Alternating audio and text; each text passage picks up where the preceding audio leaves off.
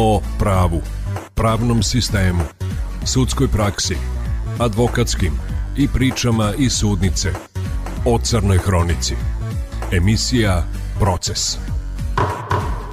Dobar dan, poštovani slušalci, dobrodošli u Proces. Ja sam Milica Ćirić. Nalazim se kod moje sagovornice Gordane Mišev, doktora za bezbednost. Dobar dan i dobrodošli i hvala vam što govorite za proces. Hvala vam na pozivu i pozdrav za sve slušalce. Poslednje vreme su učestala ubistva iz koristoljublja, ubistva iz strasti. Šta po vama dovodi do toga? Kakvi ljudi čine takva dela? Recite mi nešto o nekim slučajima koji su na vas posebno ostavili utisak? Nažalost, najčešća ubistva jesu upravo iz Dubomore ili iz Koristoljublja.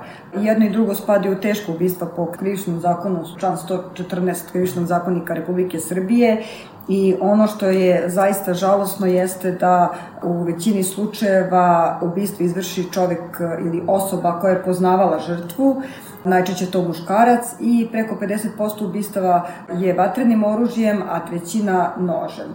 Za razliku od ubistva koje čine žene, koje uglavnom to rade otrovima, gušenjem za muškarce je tipično hladno oružje. U svetu se godišnje izvrši oko pola miliona ubistava, najveći broj ubistava se dešava u Americi, preko 37%, zatim u Africi kao, da kažem, jednom, jednom nesređenom kontinentu, pravno i, i formalno, a kad je u pitanju Evropa, otprilike se dešava do 10 ubistava na 1000 stanovnika, to je neki prosek, s tim što jugoistočna Evropa, Bogu hvala, ima mnogo manji procenat ubistava nego ostatak Evrope.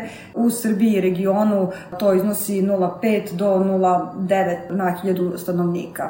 Što se tiče samih ubistava, ja ne mogu da kažem da su oni učestali, čak je po nekim procenama Republičkog zavoda za statistiku od 130-140 ubistava 2009. 2010. taj prosek spao čak jedno vreme na 60 i čini mi se 2020. i 2021. to je negde oko 80 ubistava godišnje, što opet kažem je mnogo manje nego pre 10 i više godina, ali ovde treba razlikovati koja su ubistva kada su u pitanju kriminalne organizacije i organizovane kriminalne grupe, a koje su pojedinačne, znači od porodičnog nasilja pa nadalje. Ja ću da vas podsjetim za neka najčuvenija pa ubistva kao što je bilo 2007. na Svetu petku porodica Obradović i Maja Gostić koja je bila u gostima. Zatim imali smo u Futogu ubistvo muškarca i trudnice, setite se i deteta. On je otkriveno tako što je sam nasilnik, odnosno ubica bio na samom sprovodu, odnosno na sahrani i primetili su njegovo čudno ponašanje i na osnovu toga ga priveli i otkrili u stvari oružje kojim je počinjeno delo i priveli ga pravdi, naravno.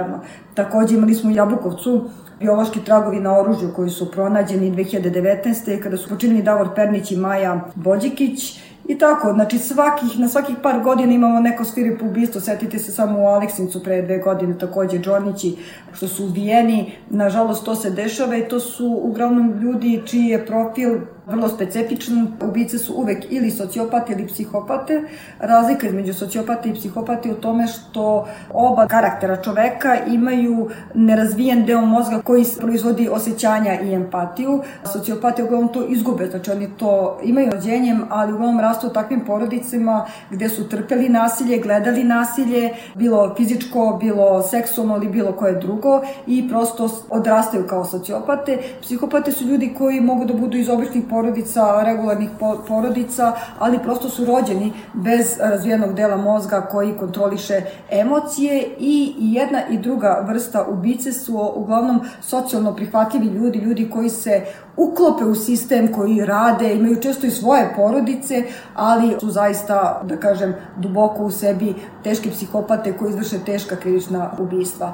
Poslednje, da kažem, ubistvo koje se desilo u Novom Sadu je tipičan primer teškog ubistva, nažalost na veoma svirep način. Ubistvo iz koristoljublja je prepoznato u našem krivičnom zakoniku i često se karakteriše kao teško ubistvo gde je predviđena kazna zatvora najmanje 10 godina, što se nadam da će biti u ovom slučaju. Da, to je ubistvo vlasnika menjačnice Jovana Janićijevića i ubila ga je osoba koju je smatrao prijateljem, s kojim je dugo sarađivao, koju je verovao. Neću sad iznositi ime zato što je istraga u toku i nije još izručen Srbiji.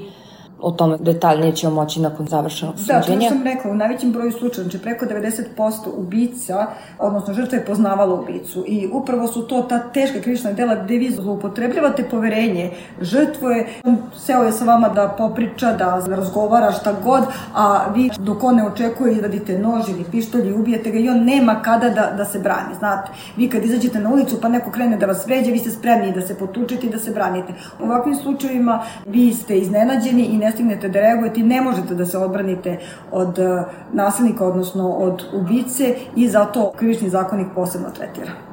Recite mi, da li je neki posebni slučaj na kom ste malo više radili ostavio na vas poseban utisak? Najviše kada ljudi pokušaju da prikriju tragove, znate. Sva ova ubistva o kojima sada pričamo su sa predumišljem, znači oni su planirana, ali dešava se kao u ovom slučaju da je čovjek pobegao, ali upravo one džoniće koje sam spomenula, imali ste takođe u Nišu gde, da kažem, ovaj dečko ubio devojku i zapalio auto. To je baš onako posebno svirep način, odnosno podmukao način, on je iskoristio njene emocije, takođe iznenadio, ubio, a da bi prikrio tragove, on je spalio. Međutim, ne postoji savršeno ubistvo. Ne možete da ne ostavite tragove, čak i kad zapalite ili hemijski pokušate da uklonite krv, uvek postoji neka pukotina, uvek postoji neki DNK nalaz koji možete da povežete najpre sa oružjem, a oružje sa ubicom.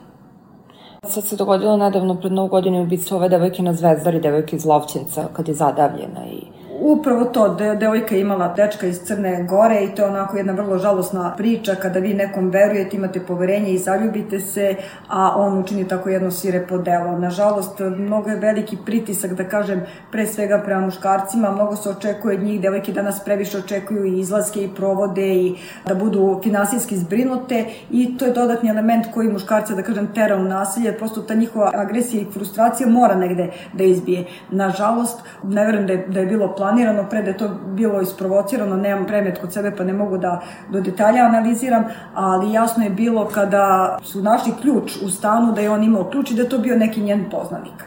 Nažalost, ostavio i otiske, videlo se i kako je ovo ubistvo učinjeno, Tako da e, sada je samo na organima Crne Gore da ga isporuče, da ga pronađu, da bi nastavili generalno dobru saradnju koju imamo u regionu sa policijskim i bezbednostnim službama.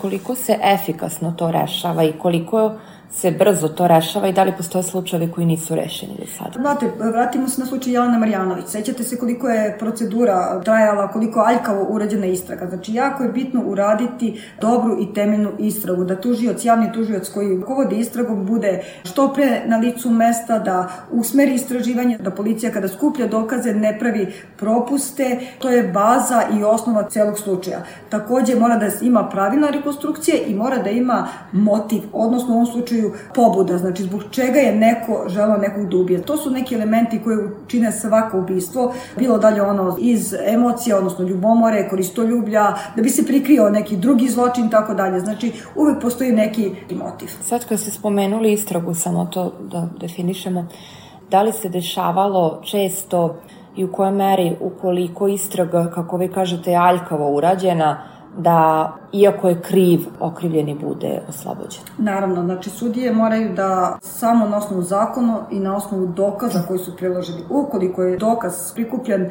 nezakonski, na neadekvatan način, on ne može da uzme u razmatranje i ne može da bude osnova za neku optužbu. Znači, dešava, setite se ubistvo na šinama i to smo imali. Zmenjeni su iskazi, telefon nije otvoran na vreme da bi se dokazala povezanost žrtve i ubice. Tako da postoji ti propusti koji se nekada slučajno čine, nekada namerno i naravno da ubica može da bude na slobodi. Nažalost, ubice obično završavaju sa jednim ubistvom i to se često dešava da ponove neku svoju grešku i da budu uhapšeni u Srbiji. Bogu hvala, veliki procenat rešenih ubistava i kažem, ukoliko dođe do greške, uglavnom greške načine tokom istrage. Hvala vam što ste govorili za Radio Novi Sad. Hvala vam. Proces.